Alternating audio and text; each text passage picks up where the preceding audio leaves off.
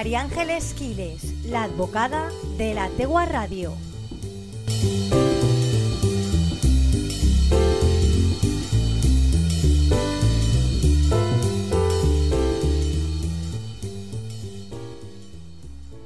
Hola Elia, buenas tardes a ti y a todos los oyentes de la Tegua Radio. Vamos a hablar de derecho como cada viernes y os voy a hacer una serie de preguntas que, normalmente me hacéis a mí cuando tenéis hijos adolescentes y hay un régimen de visitas instaurado.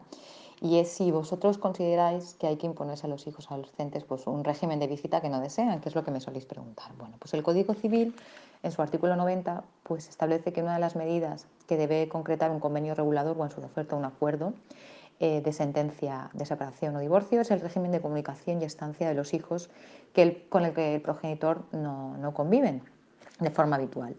Por su parte, el artículo 94 pues, detalla el derecho del padre o de la madre que no tenga consigo a sus hijos a poder visitarlos y comunicarse con ellos y tenerlos en su compañía.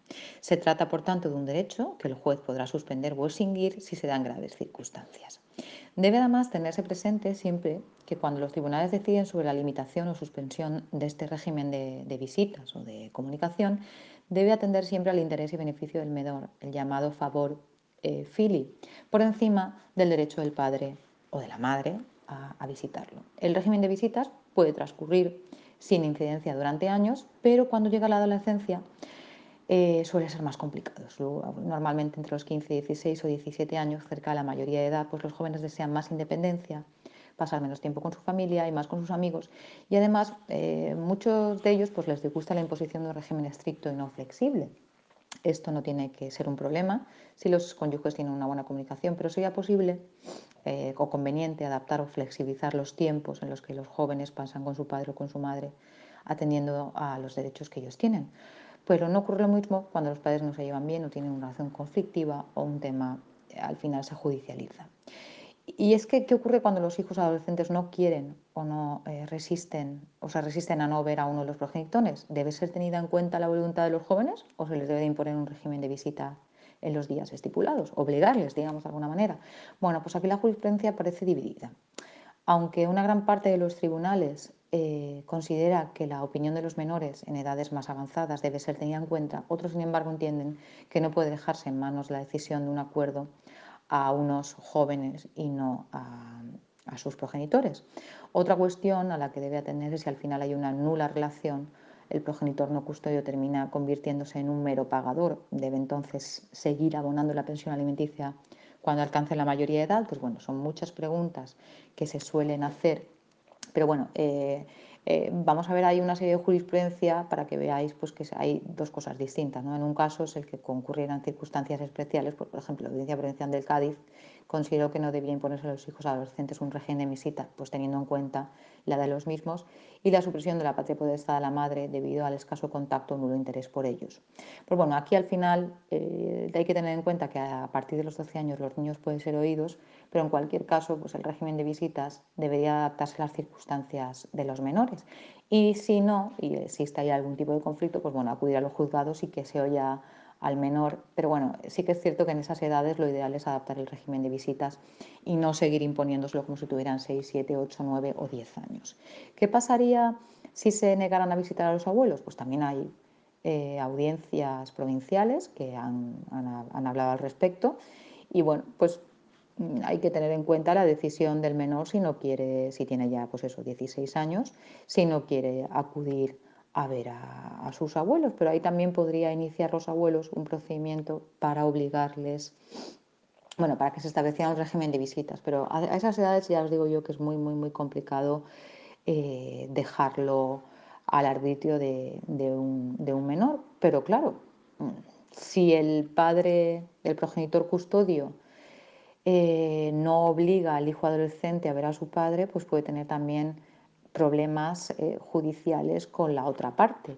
Entonces, bueno, pues hay que valorarlo y hay que preguntarse también y plantearse si existiría una pensión de alimentos eh, que podría ser extinguida si hay ausencia de relación, pues una vez llegada la mayoría de edad de los menores y ante la situación de una, relación entre el progenitor no custodio y aquellos, pues se plantea la posibilidad de que pueda ser declarada extinguida la pensión de alimentos.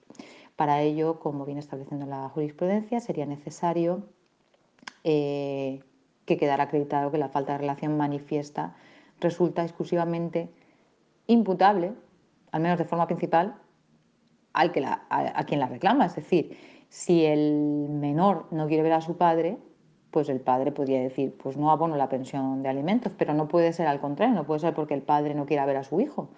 ¿vale? Y en, esta, pues en este sentido también pues podríamos hablar de muchas sentencias que lo tratan expresamente. ¿no? Y una en concreto de, reciente, de febrero de 2019, de la Sala Primera del Tribunal Supremo, establece que donde se trata expresamente este tema, la solicitud de extinción de la pensión ante la conducta de los hijos mayores de edad hacia su padre y se concreta en una nula relación personal desde hacía 8 o 9 años y un total rechazo hacia él. La sala interpreta de forma flexible las causas de desheredación a efectos de extinción de la pensión de alimentos conforme a la relación a la realidad social y en sintonía con el Código Civil catalán que eh, contempla como causa de desheredación la ausencia manifiesta o continuada de relación familiar entre causante y legitimario, que es imputable solo al legitimario, es decir, al hijo. También aplica la doctrina restrictiva seguida por las audiencias catalanes, que exige la falta de relación manifiesta y la prueba rigurosa de que sea únicamente atribuible al hijo que percibe la pensión de alimentos. Entonces, bueno, son temas, entiendo que complejos, complicados, pero bueno, ahí se nos plantean muchas cuestiones que se pueden solucionar con las modificaciones de medidas, incluso en el caso de que hubiera que ausentarse los, los padres con el hijo a vivir a otro lugar, habría que modificarlas. Y, nada, simplemente de, deciros que los convenios que se firman cuando los niños tienen cortas edades, pues pueden ser, deben ser adaptados a las circunstancias que se, que se van desarrollando en la vida normal. Pues cambios de domicilios, eh, pues eso, que no exista relación, entre padre e hijo, pero por causas imputables al, hijo, no, al padre o a la madre, en el caso de que no sean los custodios.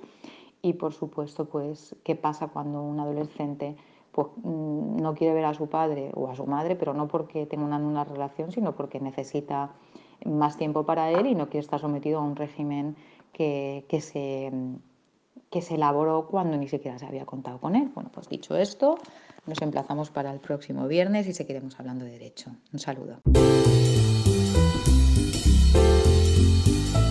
María Ángeles Quiles, la advocada de la Tegua Radio.